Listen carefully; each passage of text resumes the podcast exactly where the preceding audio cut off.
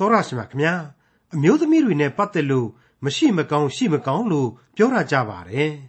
အမျိုးသမီးတွေကိုချိုးချိုးနှိမ်နှိမ်ပြောတာလားမပြောဘူးလားဆိုတာကိုတော့ကိုယ့်အသည့်ကိုယ့်အတွေ့ကိုယ့်အမြင်နဲ့ဆုံးဖြတ်ကြစီလိုပါတယ်အမျိုးသမီးတွေနဲ့ပတ်သက်လို့ဒီလိုပြောတဲ့စကားရှိတယ်ဆိုရင်အမျိုးသားတွေနဲ့ပတ်သက်လို့ရောဘယ်လိုများပြောထားတာရှိပါသလဲပြောတဲ့စကားတွေရှိပါတယ်ဒါပေမဲ့ကောင်းတာတွေကြီးပါပဲ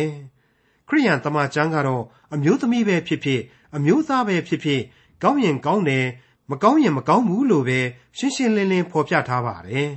ဘယ်လိုက်ပြီးဖော်ပြတာမျိုးတော့မရှိပါဘူးနွားရီတွေနဲ့ပတ်သက်ပြီးဖော်ပြချက်တစ်ခုကိုတော့ဒီကနေ့တင်ပြရတော့တမန်ကျမ်းအစီအစဉ်မှာလေ့လာမှာဖြစ်တဲ့ခရိယန်တမန်ကျမ်းဓမ္မဟောင်းကျမ်းပိုင်းတွေကတုတ်တန်ကျမ်းအခန်းကြီး14မှာတွေ့ရပါတယ်နွားရီမရှိသော တင်းကုတ်သည်စင်ကြယ်၏ သို့တော်လည်းနွားခွန်အားကိုသုံး၍များသောစီးပွားကိုရတတ်၏လို့ဆိုပါတယ်ရှင်းလင်းချက်ကိုလည်းတွေ့ရှိရမှာဖြစ်ပါတယ်ဆင်းရဲသားတို့ကိုညှင်းဆဲသောသူသည်ဖန်ဆင်းတော်မူသောဖျားကိုကဲ့ရဲ့၏ဆိုတဲ့စကားမှန်ကန်ကြောင်းတင်ပြချက်နဲ့အတူတုတ်တန်ကျမ်းအခန်းကြီး14ကိုဒေါက်တာထွန်းမြတ်ရေးကအခုလိုလေ့လာသုံးသပ်တင်ပြထားပါတယ်။တင်ပြသောသမချမ်းသင်ခန်းစာတွေဟာဒီကနေ့အချိန်မှာတော့ တုတ်တန်ကျမ်းအခန်းကြီး14ကိုရောက်ရှိလာပါပြီ။နှုတ်ကပတ်တော်ထဲမှာအလွန်အရေးကြီးလာသောအခန်းကြီးတစ်ခုပဲဖြစ်တယ်လို့ကျွန်တော်ဒီကျမ်းကိုသတ်မှတ်ချင်ပါတယ်။ဖျားသခင်ရဲ့ညံတော်အနန္တကိုအသေးစိတ်ဖြာသိသာထင်ရှားပေါ်လွင်စေသောကျမ်းတစုဖြစ်တယ်လို့ကျွန်တော်တင်ပြချင်ပါတယ်။ကျွန်တော်မိษွေတို့အတွက်အသက်တာအသီးသီးနဲ့အလွန်အလွန်စီလျော်သောဩဝါဒများကိုပေးသွားမဲ့ကျမ်းပဲလို့လည်းကျွန်တော်ဖော်ပြထားခြင်းပါတယ်။အခုသုတ်တန်ကျမ်းအခန်းကြီး14ရဲ့အငယ်1ကိုစတင်နားဆင်ကြကြပါစို့။ ပညာရှိသောမိမသည်မိမိအိမ်ကိုတိဆောက်တတ်၏။မိုက်သောမိမမူကားကိုလက်နှင့်ဖြိုဖျက်တတ်၏။အာဗြဟံရဲ့မိမစာရာရဲ့မောရှေရဲ့မိခင်ကြီးယောခဘက်တို့ရဲ့ကိုဥတီလိုက်တယ်လို့ပဲလို့ကျွန်တော်ခန်းစားမိပါတယ်။ပြီးတော့မိမတွေကိုနှိမ်တယ်မိမတွေကိုနေရာမပေးဘူးဆိုပြီးတော့စိတ်ကောက်နေတဲ့အမျိုးသမီးဒူကြီးအတွက်လေအလွန်ကောင်းတဲ့ကြမ်းပိုက်တစ်ခုပဲလို့ကျွန်တော်ခံယူပါတယ် မိမတယောက်ရဲ့ဂန္ဓာဟာအခုပုံအတိုင်းဆိုရင်ဘယ်လိုလုပ်ပြီးသေးသေးကွေးကွေးလို့ဘယ်သူပြောရဲမှာလဲအိမ်ကိုတိဆောက်နိုင်တယ်သူ့လက်နဲ့ပဲအဲ့ဒီအိမ်ကိုဖျက်ပစ်လို့လည်းရတယ်တဲ့ပြီးခဲ့တဲ့သုတ်တန်သင်ခန်းစာတစ်ခုမှတုန်းကတော့ယောက်ျားဤသရဖူဖြစ်နိုင်တယ်လို့ယောက်ျားဤအယိုးတို့ကိုလည်းဆွေးမြေ့ပြက်သုံးအောင်လုပ်နိုင်တယ်ဆိုပြီးတော့ဖော်ပြခဲ့ပါသေးတယ်မိမတို့ရဲ့ဂန္ဓာဟာဘလောက်အထိအရေးကြီးတယ်လဲအဲ့ဒီလိုအိမ်ကိုဖျက်တာတီးတာကိုယ့်လက်နဲ့ ဖျက်တယ်သို့မဟုတ်တီဆောက်တယ်ဆိုတော့ဒီမိမတွေကပေါက်တူးကြီးတွေပစိန်ကြီးတွေကင်ပြီးတော့အိမ်ကိုဖြိုတာဖျက်တာသို့မဟုတ်ကိုယ်တိုင်ကပဲလက်သမားဆရာကြီးတွေနဲ့ပူးတွဲပြီးတော့တီဆောက်တာကိုမဆွလို့ပါဘူးသူတို့ရဲ့အရှိန်အဝါတွေကိုအလွဲသုံးပြီးတော့ဖြိုဖျက်ပစ်ခြင်းတွေ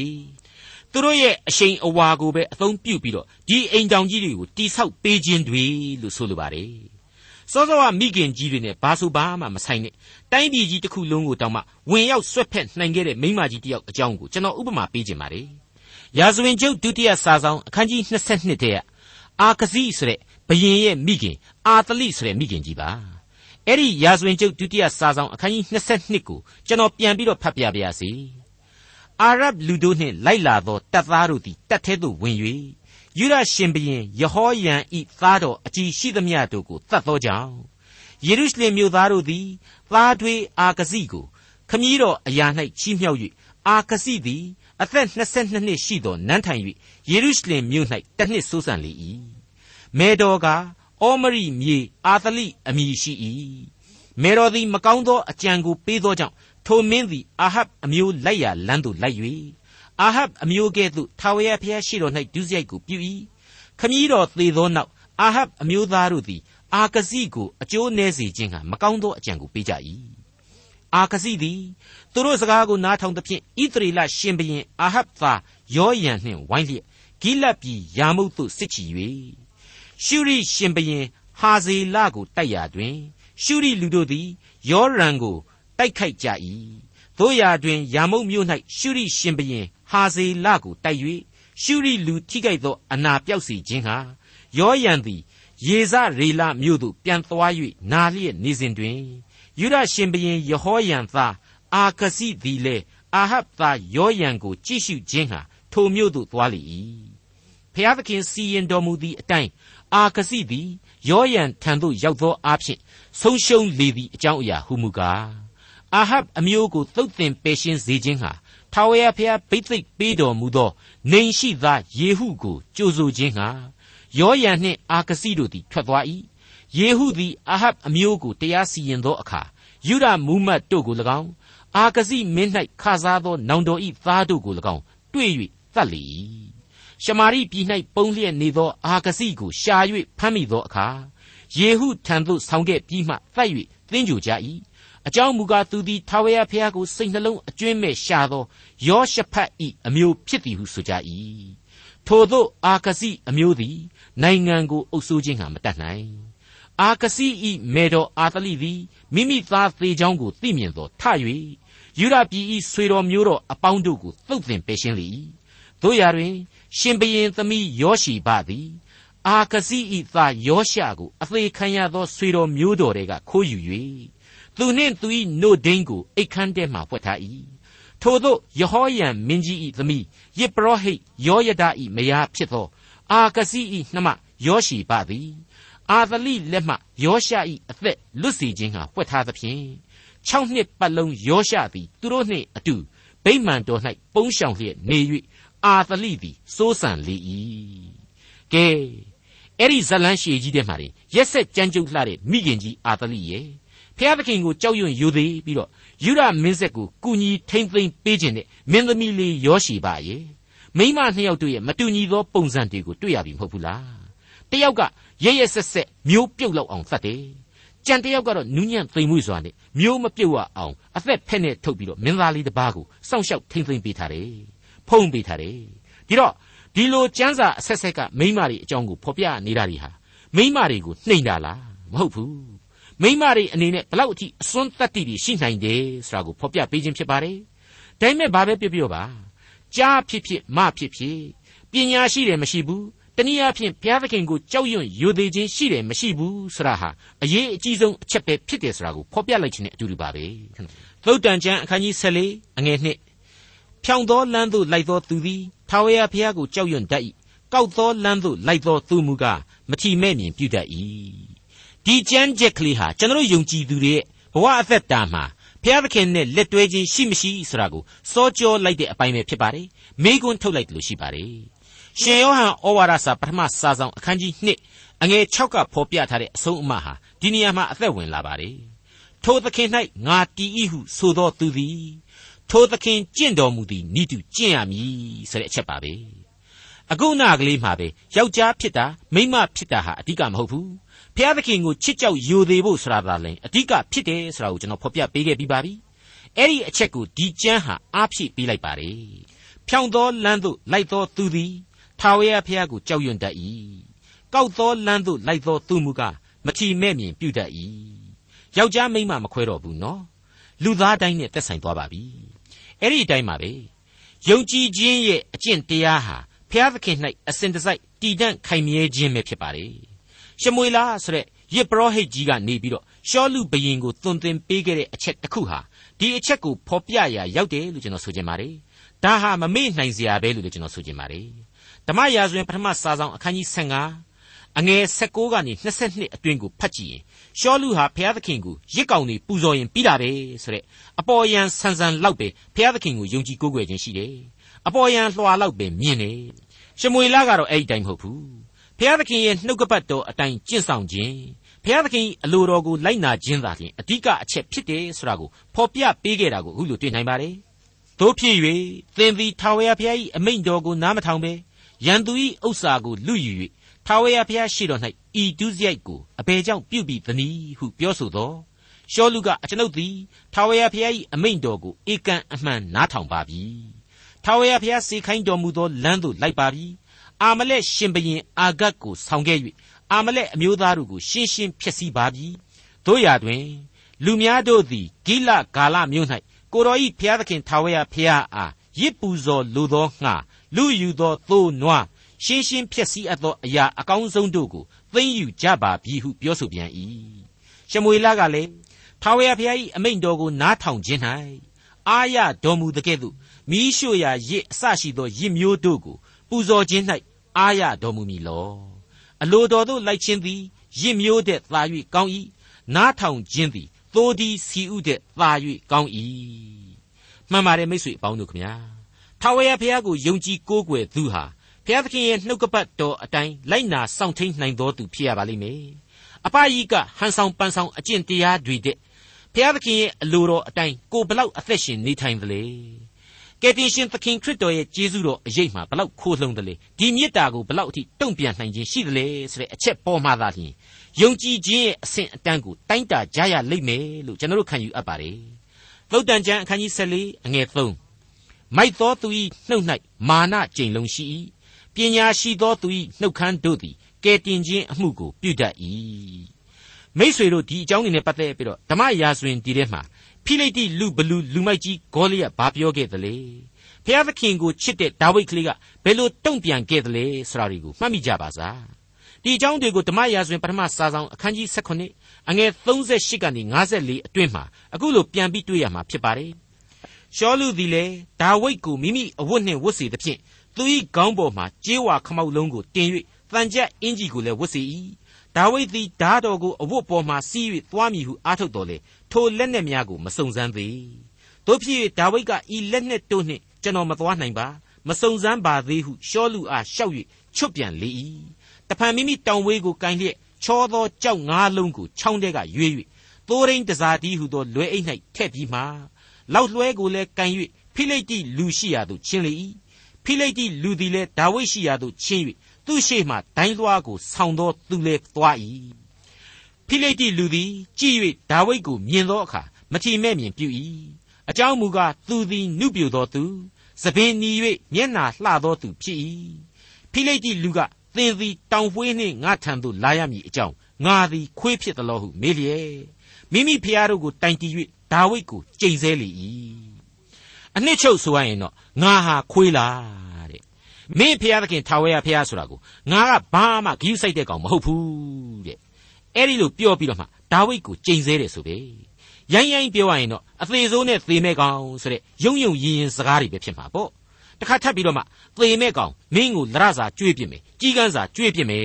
တဲ့အဲ့ဒီလိုယုံယုံရင်ရင်နေပြောခဲ့ပါလေအဲ့ဒီလိုဂေါလိယကပြောတဲ့အချိန်မှာဒါဝိဒ်ကတော့သူ့ရဲ့ကယ်တင်ခြင်းအမှုကိုသူ့နှုတ်နဲ့အခုလိုပြုခဲ့ပါတယ် ကယ်တင်ခြင်းနဲ့သက်ဆိုင်တဲ့သစ္စာစကားကိုအခုလိုဆိုခဲ့ပါတယ်ဒါဝိဒ်ကသင်သည်ဓာလှန်ကြည်တုံပါလျက်ငါထံသို့လာ၏ငါသည်သင်ကျိမ့်ပသောဣသရေလဘိုးကြီးတို့၏ဖျားသခင်ကောင်းကင်ဘိုးကြီးအရှင်ထာဝရဘုရား၏နာမတော်ပါလျက်သင်ရှိရာသို့လာ၏ထာဝရဘုရားသည်သင်ကိုငါလက်၌ယနေ့အပ်တော်မူသဖြင့်သင်ကိုငါသတ်၍လေပင်ကိုဖြတ်မည်ဖိလိတိဘိုးကြီးအသေးကောင်းများကိုမိုးကောင်းကင်ငှက်နှင့်တောသားရဲတို့အားယနေ့ငါပေးမည် ဣသရေလအမျိုး၌ဘုရားသခင်ရှိတော်မူသည်ကိုမြေကြီးသားအပေါင်းတို့သည်သိရကြလိမ့်မည်အကြောင်းမူကားထာဝရဘုရားသည်စစ်မှုကိုပိုင်၍ငါတို့လက်သို့အနှံတော်မူမည်ဟုဖိလိတိလူအားဆို၏ဖိလိတိလူသည်ထား၍ဒါဝိဒ်နှင့်တွေ့ခြင်းကချင်းလာသောအခါဒါဝိဒ်သည်လည်းဖိလိတိလူနှင့်တွေ့ခြင်းကဘိုးကြီးရှိရာသို့အလျင်အမြန်ပြေးပြီးမှလွယ်အိတ်ထဲကကြောက်တလုံးကိုနှိုက်ယူ၍လွှဲပြေး၏ဖိလိတိလူ၏နဖူးကိုမှန်၍နဖူးပေါက်သဖြင့် သူသည်မြေပေါ်မှငိုက်ဆိုင်လဲလေ၏ထိုအခါဒါဝိဒ်သည်ဓာမပါသောကြောင့်ပြေး၍ဖိလိတိလူကိုနင်းလျက်သူ၏ဓာကိုတအိမ်မှဆွဲနှုတ်ပြီးလျင်လေပင်ကိုဖြတ်၍အပြီးသတ်လေ၏ဒါဝိဒ်ကလေးဂေါလိယက်ကိုပြန်ပြောတာဟာရှင်းနေပါလေခမည်းကြီးဟာလက်နဲ့ကိရိယာတွေအပြည့်အစုံနဲ့လာတယ်ကျွန်တော်ကတော့ခမည်းအခုဆဲတဲ့ဘုရားသခင်ရဲ့နာမတော်နဲ့ပဲလာခဲ့ပါတယ်တဲ့ဒီကနေ့တိုက်ပွဲမှာ ကျုပ်ရဲ့အောင်မြင်ခြင်းအပြင်ဘုရားသခင်ကိုလူသားတွေသိလာရလိမ့်မယ်ဆိုပြီးတော့တုံ့ပြန်ပြောဆိုပြီးခဲ့ပါတယ်တုံ့ပြန်ပြောဆိုခဲ့ပါတယ်ပြောတဲ့အတိုင်းပဲနော်ဒါဝိဒ်ဟာအဲ့ဒီကဘာကျော်လူမိုက်ကြီးရဲ့နဖူးကိုကြောက်ခဲလေးတစ်လုံးနဲ့ဒေါင်းကနေမြည်အောင်ပစ်ပြီးတော့အနိုင်ယူသွားခဲ့တယ်ဆိုတာအလုံးသိပြီးသားပါမိษွေအပေါင်းတို့ခမညာလူမိုက်တွေစီမှာမာနနှလုံးသားရှိတယ်ဆိုတာကိုသုတ်တန်ဆရာဟာဖော်ပြတယ်တန်ရှင်းသောဝိညာဉ်တော်ဟာအတည်ပြုပြီးတယ်ဘုရားသခင်ကိုကြောက်ရွံ့သူစီမှာကတော့ကဲတင်ခြင်းကျေးဇူးတော်ဟာ တည်ရှိနေတယ်လို့ဖော်ပြနေပါလားကဲတင်ခြင်းအမှုကိုလေဒီလူတော်လူကောင်းဟာကြွေးကြော်နိုင်မှာအသေးချာပဲဖြစ်တယ်တဲ့မိုက်သောသူ၏နှုတ်၌မာနကြိမ်လုံးရှိ၏ပညာရှိသောသူ၏နှုတ်ခမ်းတို့သည်ကဲတင်သောအမှုကိုပြုတတ်၏သုတ်တန်ကျမ်းအခန်းကြီး14အငယ်၄ကိုဆက်လက်နားဆင်ကြကြပါနွားဒီမရှိသောတင်းကုတ်သည်စင်ကြယ်၏နွားခွန်အားကိုသုံး၍စီးပွားကိုရတတ်၏ ဒီအပိုင်းဟာလောကရဲ့သရုပ်ပုံစံကိုဖော်ပြနေတယ်လို့ကျွန်တော်ဆိုချင်ပါတယ်နွားဒီတွေဟာညှိတယ်အညစ်အကြေးစွန့်တာများတယ်အကြမ်းဖက်တတ်တယ်ဒါကြောင့်မလို့မကောင်းဘူးဒါပေမဲ့သူတို့ရဲ့အဲ့ဒီခွန်အားကိုကသူ့ရဲ့သခင်ကိုတစ်ဖက်ကအကျိုးပြုပြန်တယ်ဆိုတဲ့သဘောတရားကိုဖော်ပြလိုက်ပါတယ်မိတ်ဆွေအပေါင်းတို့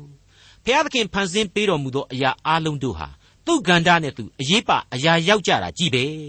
ဒါကြောင့်မလို့ဖျားသခင်ကိုကျွန်တော်တို့လူသားဟာဘယ်တော့မှကျေးဇူးမမေ့ရဘူးကျေးဇူးတင်ကြရမှာသာဖြစ်တယ် ဘုရားသခင်ဖန်ဆင်းပေးထားသောအရာများကိုလေသူ့နေရာနဲ့သူတန်ဖိုးထားကြရမှာသာဖြစ်တယ်ဆိုတဲ့အချက်ကိုဒီအပိုင်းမှာနှုတ်ကပတ်တော်ဟာသွန်သင်ပေးလိုက်တယ်လို့ကျွန်တော်ခံယူမိကြောင်းတင်ပြခြင်းပါတယ်အငယ်ငါသစ္စာရှိသောတက်သေးသည်မှုသာမသုံးတတ်သစ္စာပြတ်သောတက်သေးမူကားမှုသာကိုသုံးတတ်၏မိတ်ဆွေအပေါင်းတို့အနေနဲ့ခရစ်တော်မြေပေါ်မှာနောက်ဆုံးမှားကြားခဲ့တဲ့စကားတွေကိုမှတ်မိကြလိမ့်မယ်လို့ကျွန်တော်ထင်ပါတယ်တမန်တော်ဝတ္ထုအခန်းကြီး1 အငယ်9မှ9အတွင်မှာပြန်ဖတ်ကြည့်ပါသခင်ဖျားကခမည်းတော်ဤတကိုးအားဖြင့်စီရင်တော်မူသောအချိန်ကာလကိုသိရသောအခွင့်သည်သင်တို့၌မရှိထိုသောမရှိသောလဲသင်တို့အပေါ်သို့တန်ရှင်းသောဝိညာဉ်တော်ဆင်းသက်သောအခါသင်တို့သည်တကိုးကိုခံရ၍ယေရုရှလင်မြို့မှစသောယူဒပြည်ရှမာရိပြည်မြေကြီးစွန်းတိုင်အောင်ငါဤသက်သည်ဖြစ်ကြလိမ့်မည်ဟုမိန့်တော်မူ၏ဒီတော့ကျွန်တော်လူသားတွေဟာ ခရစ်တော်ဤတစ္ဆာရှိသောသက်သေပြဖြစ်ကြတယ်ကယ်တင်တော်မူခြင်းကျေးဇူးတော်ရဲ့မှန်ကန်ခြင်းသစ္စာတရားကိုလူသားတို့အားလုံးနားလည်အောင်ယုံကြည်သူအပေါင်းဟာဖော်ပြကြင်ညာပေးရလိမ့်မယ်ဆိုတာကိုကျွန်တော်သဘောပေါက်ဖို့လိုပါတယ်တကယ်တကယ်တော့ကိုခံစားရကျေးဇူးတော်နဲ့ကယ်တင်ခြင်းတရားတော်ကိုကိုယ်တိုင်ဟာဘလောက်အထိအပြည့်အဝထိတွေ့ခံစားရသလဲအဲ့ဒီခံစားရတဲ့အတိုင်းအမှန်အတိုင်းတင်ပြပြောဆိုနိုင်မယ်ဆိုရင်တော့ဒါဟာသစ္စာတည်တယ်ဘာမှကွယ်ဝှက်เสียမရှိဘူးလို့ပဲကျွန်တော်ခံယူမိပါတယ် သုတ်တန်ကျမ်းအခန်းကြီး14အငယ်6မှ9မထီမဲမြင်ပြုသောသူသည်ပညာကိုရှာ၍မတွေ့ရဉာဏ်ရှိသောသူမူကားပညာအတတ်ကိုရလွယ်၏မိုက်သောသူနှင့်တွေ့၍သူ၏နှုတ်၌ပညာအတတ်မရှိသည်ကိုသိမြင်လျင်ထိုသူကိုရှောင်သွားလော့ပညာသတိရှိသောသူ၏ပညာကကိုသွားရသောလမ်းကိုသိခြင်းသည်မိုက်သောသူ၏မိုက်ခြင်းမူကားပရိယေတည်မိုက်သောသူတို့သည်ဒုစရိုက်အပြစ်ကိုမထီလေးစားပြုကြ၏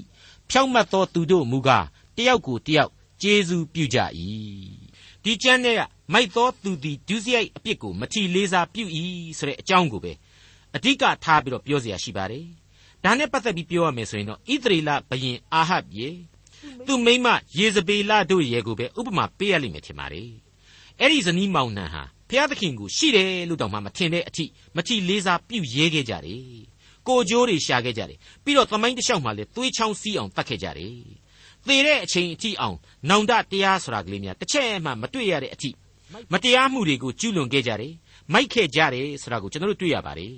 သုတ်တန်ကျမ်းအခန်းကြီး14အငယ်30စိတ်နှလုံးသည်မိမိဒုက္ခကိုသိ၏စိတ်နှလုံးရှင်လန်းခြင်းအကြောင်းကိုလည်းသူတစ်ပါးမဆိုင်တတ်ကိုယ်နှလုံးသားအသိနဲ့ကိုယ်သာဖြစ်တယ်ကိုယ်စိတ်ဝိညာဉ်နဲ့ကိုယ်သာဆွေးနွေးတိုင်ပင်ရာဖြစ်တယ် ကိုကိုကိုအတိဆုံးဖြစ်တယ်ဆိုတာကိုဒီအပိုင်းဟာအလွန်အဆင့်တန်းမြင့်မားစွာနဲ့ဖော်ပြလိုက်တယ်လို့ကျွန်တော်ခံယူပါတယ်သုတ်တန်ကျမ်းအခန်းကြီး14အငယ်17မှ14မတရားသောသူ၏အိမ်သည်ပြိုလဲတတ်၏ဖြောင့်မတ်သောသူ၏တဲမူကပွင့်လန်းတတ်၏လူထင်သည့်အတိုင်းမှန်သောလက္ခဏာရှိတော်လေအဆုံး၌သေခြင်းသို့ပို့သောလမ်းတစ်မျိုးရှိ၏လူသည်ရဲစင်းအခါပင်ဝမ်းနည်းသောစိတ်တော်ရှိ၏ထိုရေမောရှင်လန်းခြင်းအဆုံး၌လေညှိုးငယ်ခြင်းရှိတတ်၏ စိတ်နှလုံးဖောက်ပြန်သောသူဖြစ်စေသူတော်ကောင်းဖြစ်စေမိမိအကျင့်တို့နှင့်ဝလိမ့်မည်မတရားတာတရားတာတွေအသာထားဖြောင့်မတ်တာမဖြောင့်မတ်တာကိုနဘေးချေလူသားရဲ့အဆုံးတနေ့မှာသေကိုသေဖို့အတွက်လန်တလန်ရှိ၏တဲ့ဘလောက်ကောင်းလဲအဲ့ဒါဟာ AIDS တို့ cancer တို့မတော်တဆကားတိုက်ခံရတာတို့လေပြန်ပြက်ကြတဲ့နီးတို့နဲ့သေခြင်းကိုကြီးပြောတာမဟုတ်ပါဘူးနော်ဘသူဆိုဘသူမှဘယ်နည်းနဲ့မှမလွတ်နိုင်တဲ့အပြစ်တရားဆိုတဲ့လမ်းရှိနေတာကိုဆိုလိုတာပါ ဒီအချက်တဲ့ပိုဆိုးတဲ့အယူအဆတစ်ခုကိုလည်းဓမ္မပညာအရတွေးခေါ်တာတစ်ခုရှိပါတယ်အဲ့ဒါကတော့အဲ့ဒီလောကရန်သေခြင်းတဲ့ကြောက်စရာကောင်းတဲ့ထာဝရငရဲမှာအကျွင့်မဲ့ပြက်သုံးသောသေခြင်းပါပဲ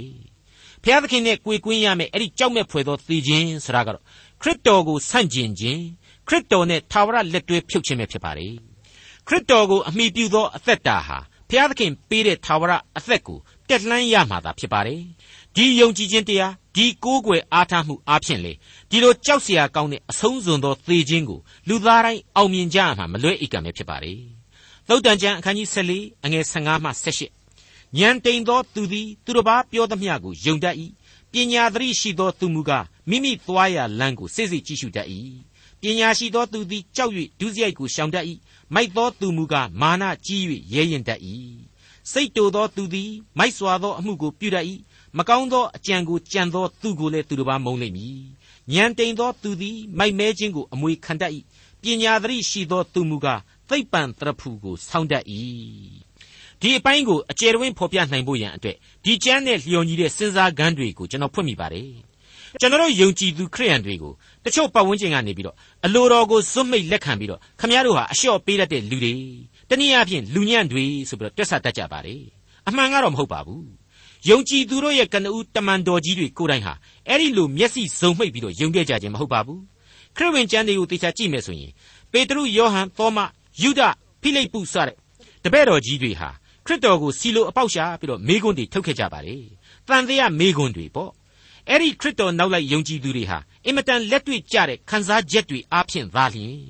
မယိမ့်မယိမ်ကြောက်စာတိုင်များပမာအသက်ပေးပြီးတော့ယုံကြည်ခြင်းရဲ့သူရဲကောင်းများဖြစ်သွားခဲ့ကြတယ်ဆိုတာကိုကျွန်တော်မေ့လို့မရပါဘူး မိษွေအပေါင်းတို့ခမညာကိုဆိုတဲ့လူသားဟာအပြစ်ဇာတိလူသားသာဖြစ်တယ်ဆိုတာကိုလက်ခံပြီးတဲ့နောက်ကယ်တင်ရှင်သခင်ခရစ်တော်ကိုနှလုံးပုံ၍ယုံကြည်ခြင်းအပြင်နောက်ဆက်တွဲကောင်းကြီးမင်္ဂလာတွေကိုစက်တိုက်ခံစားကြရလိမ့်မယ်လို့လေးနဲ့စွာတင်ပြပါရစေ။သုတ်တန်ကျမ်းအခန်းကြီး14အငယ်16မှ23လူဆိုးတို့သည်သူတော်ကောင်းရှိ၌၎င်းမတရားသောသူတို့သည်ဖြောက်မတ်သောသူ၏အိမ်တကဝ၌၎င်းဥချတတ်ကြ၏။ဆင်းရဲသောသူသည်မိမိအိမ်ကြီးချင်းမုံချင်းကိုပင်ခံရမည်။ ငွေရသောသူ၌မူကားများစွာသောအဆွေခင်ပွန်းရှိလိမ့်မည်မိမိအိမ်နီးချင်းကိုမထီမဲ့မြင်ပြုသောသူသည်အပြစ်ရှိ၏ဆင်းရဲသောသူကိုတနာသောသူမူကားမင်္ဂလာရှိ၏မကောင်းသောအကြံကိုကြံတတ်သောသူတို့သည်မှားယွင်းကြလိမ့်မည်ကျေးဇူးပြုမည်ဟုကြံတတ်သောသူတို့မူကားဂယုဏအကျိုးနှင့်တစ္ဆာအကျိုးကိုခံရကြလိမ့်မည်ကြိုးစား၍လှုပ်လေရာရာ၌ကျေးဇူးရှိ၏စကားများခြင်းအကျိုးမူကားဆင်းရဲခြင်းတက်တက်တည်း ရှုပ်ထွေးတရားရောင်ထင်ရမယ့်ဆန်းသစ်တဲ့ဩဝါဒဖြစ်ပါတယ်ကျင်နာခြင်းစိတ်ထားနဲ့ကျေးဇူးပြုကျင်သောသဘောဆိုတာကိုအားပေးထားပါလေမွန်မြတ်သောစိတ်သဘောတို့ရဲ့အကျိုးကျေးဇူးကိုတော့ဂယုဏနဲ့သစ္စာ၏အကျိုးလို့ဆိုလိုက်ပါလေသုတ်တန်ကျမ်းအခန်းကြီး14အငယ်24မှ30ပညာရှိသောသူတို့၏စီးစိမ်ဥစ္စာသည်သူတို့ဥယျတရဖူဖြစ်၏မိုက်သောသူတို့၏မိုက်ခြင်းမူကားအမိုက်သက်သက်ဖြစ်၏မှန်သောသက်သေသည်သူ့အသက်ကိုကယ်တင်တတ်၏ မမှန်သောသက်သေမူကားမှုသာကိုသုံးတတ်၏ထာဝရဘုရားကိုကြောက်ရွံ့ခြင်းသည်အာကြီးသောကိုးစားရာအခွင့်ကိုဖြစ်စေတတ်၏သားတော်တို့သည်လည်းခိုလှုံရာအရက်ကိုရကြလိမ့်မည်ထာဝရဘုရားကိုကြောက်ရွံ့သောသဘောသည်အသေးခံရာကြော့ကွင်းတို့မှလွှဲရှောင်ရာအသက်ဆန်းရည်တွင်ဖြစ်၏ပြည်သားများပြားရာ၌ရှင်ဘရင်ဤဘုံတော်တည်၏ပြည်သားနေပါရာ၌ကမင်းအကျိုးနေခြင်းရှိ၏စိတ်ရှည်သောသူသည်ပညာကြီး၏စိတ်တူသောသူမူကားအထူးသဖြင့်မိုက်ပေ၏ ကျမ်းမာသောနှလုံးသည် ကိုယ်အသက်ရှင်စေသောအကြောင်းညူစုသောသဘောမူကားအယိုးဆွေးမြေ့ခြင်းအကြောင်းဖြစ်၏မိษွေအပေါင်းတို့ခမညာထာဝရဘုရားကိုကြောက်ရွံ့ခြင်းသဘောသည်ဉာဏ်ပညာ၏အချုပ်အခြာဖြစ်တယ်ဉာဏ်ပညာကိုသွန်သင်ခြင်းဖြစ်တယ်အသက်ရှင်ခြင်းနှင့်ဆိုင်တယ်ဒုစရိုက်ကိုလွှဲရှောင်ခြင်းဖြစ်တယ်ဆိုတာတွေ့ကြရပြီးပြီအခုအချိန်မှာတော့အသေးခံရကြော့ကင်းတို့မှလွှဲရှောင်ရာအသက်ဆန်းရည်တွင်ဖြစ်တယ်တဲ့သူတစ်ပါးကိုပါအကျိုးပြုနိုင်တဲ့အသက်တာမျိုးပေါ့ ပြီးတဲ့နောက်မှာမှတခါအလွန်သိပ်ပံနီးကြတဲ့ဖော်ပြချက်နဲ့ဆက်လက်ဆုံးပါပါတယ်ကျမ်းမာသောနှလုံးသည်ကိုယ်အသက်ရှင်စေသောအကြောင်းညူစုသောသဘောသည်အယိုးဆွေးမြေခြင်းအကြောင်းတဲ့ဘယ်သိပ္ပံရှင်မှညင်းနိုင်မှာမထင်ပါဘူးကြမ်းဖန်ပြီးတော့ညင်းတဲ့သူတွေရှိခြင်းရှိနိုင်တယ်အဲ့ဒီညင်းချက်တွေကိုကျွန်တော်တို့ဘက်ကလည်းဤအမျိုးစုံနဲ့တိုက်ဖြတ်နိုင်ပါတယ်အခုအပိုင်းမှာဖော်ပြတဲ့ညူစုခြင်းဆိုတာဟာအလွန်ကျေပြတ်ပါတယ်မနာလိုဝန်တိုစိတ်မခံခြင်းစိတ်စတဲ့မစ္စရိယစိတ်တွေအကုန်လုံးနဲ့အကျုံးဝင်ပါတယ် အဲ့ဒီလိုစိတ်ထားမျိုးဟာအသက်ကိုသေစေနိုင်တယ်သုတ်တန်ကျမ်းအခန်းကြီး14အငယ်31ဆင်းရဲသားတို့ကိုညှင်းဆဲသောသူသည်ဖန်ဆင်းတော်မူသောဖျားကိုကဲ့ရဲ့၏ဖျားကိုယိုသေးသောသူမူကားဆင်းရဲသောသူတို့ကိုသနာတတ်၏ကျွန်တော်အပေါင်းအသင်းအတိုင်းဝိုင်းတွေကကြည်တက်ချမ်းသာတဲ့လူတစ်ယောက်အကြောင်းကိုကျွန်တော်သတိရမိပါတယ်အလွန်ထင်ရှားတဲ့မျိုးနွယ်စုကဆင်းသက်ပြီးတော့ငုတ်တုတ်ထိုင်စားနိုင်လောက်အောင်ချမ်းသာတယ်မာမာနာကလည်းအတော်ကြီးကြီးပါတယ် ငငယ်တုန်းကတည်းကပြောမနာဆိုမနာကြီးပြင်းလာကြတာဆိုတော့ကျွန်တော်ကိုသာ तू ကသိပ်ပြီးတော့မမောက်မာတာလူတကာအပေါ်မှာတော့မောက်ပါတယ်ဂုံစကားငွေစကားမျိုးရိုးမြင့်မြတ်တဲ့စကားတွေသိပြောလိပြောထရှိပါတယ်သူ့အိမ်ကအစေအပါတွေဆိုရင်အတော်ကြီးအသက်ကြီးပါတယ်အဲ့ဒီလူတွေကိုသိပြီးတော့ငေါငန်းလွန်းအားကြီးတော့ကျွန်တော်လည်းတနေ့မှအသေးရလွန်းတဲ့အတွက်ကြောင့်မနေနိုင်ပဲဝင်ပြောမိပါတယ်မင်းကွာကို့အဖေအမေအရွယ်လောက်ကြီးတွေကိုဒီလောက်ကြီးမပြောပါနဲ့ပေါ့အဲ့တော့ तू ကဘယ်လိုပြန်ပြောတယ်လဲဆိုရင်မင်းဘာနားလေလို့လေ လက်ကြောမတင်းလို့အခုလိုဆင်းရဲပြီးတော့သူများအိမ်မှာလာအလုတ်လုတ်နေကြရတာအဲ့ဒီလိုနှိမ်ထားနိုင်မှတန်ယုံကြတယ်တဲ့အဲ့တော့ကျွန်တော်ကလည်းစိတ်ထဲမှာခံပြင်းပြီးတော့နေစမ်းမအောင်မင်းကသူတို့ကိုလက်ကြောမတင်းဘူးဆိုပြီးတော့လက်ကြောမတင်းလို့ဆင်းရဲတယ်ဆိုပြီးတော့တော့ပြောတယ်ငါသိတွေ့မင်းကလည်းပိုက်ဆံရှိသားသမီးမှုသာဘွယ်ကလေးရလာတယ်ဘလောက်များလက်ကြောတင်းလို့လဲဆိုပြီးပြန်ပြောမိပါတယ်အဲ့တော့မှမျက်စိလေးပိကလပ်ပိကလပ်နဲ့ဒါကတော့ငါတို့ကမျိုးနဲ့ယူနဲ့ချမ်းသာတာကိုကွာဘာလက်ကြောတင်းเสียလို့တလေတဲ့ အဲ့ဒီလိုပြန်ပြောပါတယ်တနည်းဆိုရရင်တော့သူတို့ဟာဘဝချင်းသိပ်ကွာခြားတယ်သူတို့ကိုဘုရားသခင်ကသီးသန့်ရွေးချယ်ကောင်းကြီးပေးထားတယ်ဆိုတဲ့အတိတ်ပဲပဲပေါ့တကယ်တော့ဒါဟာမှားသလားဆိုရင်သိပ်တော့မမှားပါဘူးဘုရားသခင်ကျေးဇူးတော်နဲ့သူတို့ဟာခြေမွေးမီးမလောင်လက်မွေးမီးမလောင်ကြီးပွားလာတာတော့အမှန်ဒါပေမဲ့ဒါကိုပဲသူတို့ဟာမာမာနတွေကဲမောက်နေကြတယ်ဆိုတာကိုအဖြေရှာတွေ့လာရပါတယ်ဘယ်လိုပဲဖြစ်ဖြစ်ပါအခုလိုကိုယ့်ရဲ့ကျေးဇူးတော်ကိုအခွင့်အရေးကြီးတစ်ခုလိုသဘောထားပြီးတော့ ကိုယ့်တဲ့ဆင်းရဲညှိုးနွမ်းတဲ့လူတွေကိုနှိမ်တာကြမ်းတမ်းစွာပြောဆိုဆက်ဆံတာတွေကိုဘုရားသခင်မကြိုက်ပါဘူးဆင်းရဲသားတို့ကိုညှင်းဆဲသောသူသည်ဖန်ဆင်းတော်မူသောဘုရားကိုကဲ့ရဲ့၏တဲ့ဘုရားကိုယူသေးသောသူမူကားဆင်းရဲသောသူတို့ကိုတနာတတ်၏တဲ့ရှင်းနေပါလေသုတ်တန်ကျမ်းအခန်းကြီး14အငယ်32မှ35အဆုံးအထိမတရားသောသူသည်မတရားသဖြင့်ပြုစဉ်အခါလှဲခြင်းကိုခံရ၏ ဖြောင့်မတ်သောသူမူကားသေသောအခါ၌ပင်မျှော်လင့်เสียရှိ၏ဉာဏ်ရှိသောသူ၏နှလုံး၌ပညာကျိန်းဝတ်တတ်၏မိုက်သောသူတို့၏အထဲ၌ရှိသောအရာမူကားထင်ရှားတတ်၏ဖြောင့်မတ်ခြင်းတရားသည်ပြည်သားတို့ကိုချီးမြှောက်တတ်၏ဒုစရိုက်အပြစ်မူကားပြည်သားတို့ကိုရှုံချတတ်၏ပညာရှိသောကျွန်အားရှင်ဘရင်သည်ကျေးဇူးပြုတတ်၏အရှက်ခွဲတတ်သောကျွန်မူကားအမျက်တော်ကိုခံရမည်မိษွေအပေါင်းတို့ခမညာသက်ရှိလူသားတွေကိုကျွန်ဖြစ်စေနိုင်သလိုသက်မဲ့မြေကြီးကိုတောင်မှ ဥပုပ်စောင့်စေဆိုပြီးတော့အမိန့်ချနိုင်တဲ့ဘုရားသခင်ဟာအကျွင့်မဲ့တကောအာနုဘော်တော်နဲ့ပြည့်စုံတယ်ဆိုတာဟာကျွန်တော်တို့သမိုင်းသက်သေအဖြစ်ထင်ရှားစွာတွေ့ကြရပြီးပါပြီကဘာကြီးတစ်ခုလုံးကိုလည်းရေလွှမ်းမိုးပြစ်နိုင်တယ်ကဘာကြီးတစ်ခုလုံးကိုပြန်လဲတိဆောက်ပေးနိုင်တယ်လူဟာသူ့ရဲ့လက်ခုပ်ထဲမှာရှိတဲ့ရေပဲဆိုတာကိုကျွန်တော်တို့သိကြရပြီးပါပြီအဲ့ဒီဘုရားသခင်ဟာမြေကြီးနဲ့မြေကြီးစာကိုပိုင်သတယ်လောကရနဲ့လောကသားတို့ကိုလည်းပိုင်သသူဖြစ်တဲ့အတွက်ကြောင့်သူ့ကိုကြောက်ရွံ့ယူသေးခြင်းရှိကြပါပညာသတိရှိကြပါ သူ့ကိုနားလည်အောင်ကြိုးစားကြပါယုံကြည်ကိုးကွယ်ကြပါသူပေးတဲ့အသက်လမ်းနဲ့ကောင်းကင်အမွေကိုလည်းရအောင်ယူနိုင်ကြပါစေပညာရှိသောကျွန်အားရှင်ဘရင်သည်ကျေးဇူးပြုတတ်၏အရှက်ခွဲတတ်သောကျွန်မူကားအမျက်တော်ကိုခံရလိမ့်မည်ဒါဟာအပြစ်လူသားကျွန်တော်များသိထားရမယ်ဘုရားသခင်အကြောင်းကိုရှောလမုန်မင်းကြီးမှတဆင့်ဘုရားသခင်ဖော်ပြပေးလိုက်တဲ့ဝိညာဉ်ရေးသစ္စာသဘောတရားပဲဖြစ်ပါလေခင်ဗျာ ဒေါက်တာထွန်းမြတ်ရေးစီစဉ်တင်ဆက်တဲ့တင်ပြတော်တမချန်းအစီအစဉ်ဖြစ်ပါတယ်နောက်တစ်ချိန်အစီအစဉ်မှာခရိယန်တမချန်းဓမ္မဟောင်းကျမ်းပိုင်းတွေကတုတ်တန်ကျမ်းအခန်းကြီး15ကိုလေ့လာမှဖြစ်တဲ့အတွက်စောင့်မျှော်နားဆင်နိုင်ပါတယ်။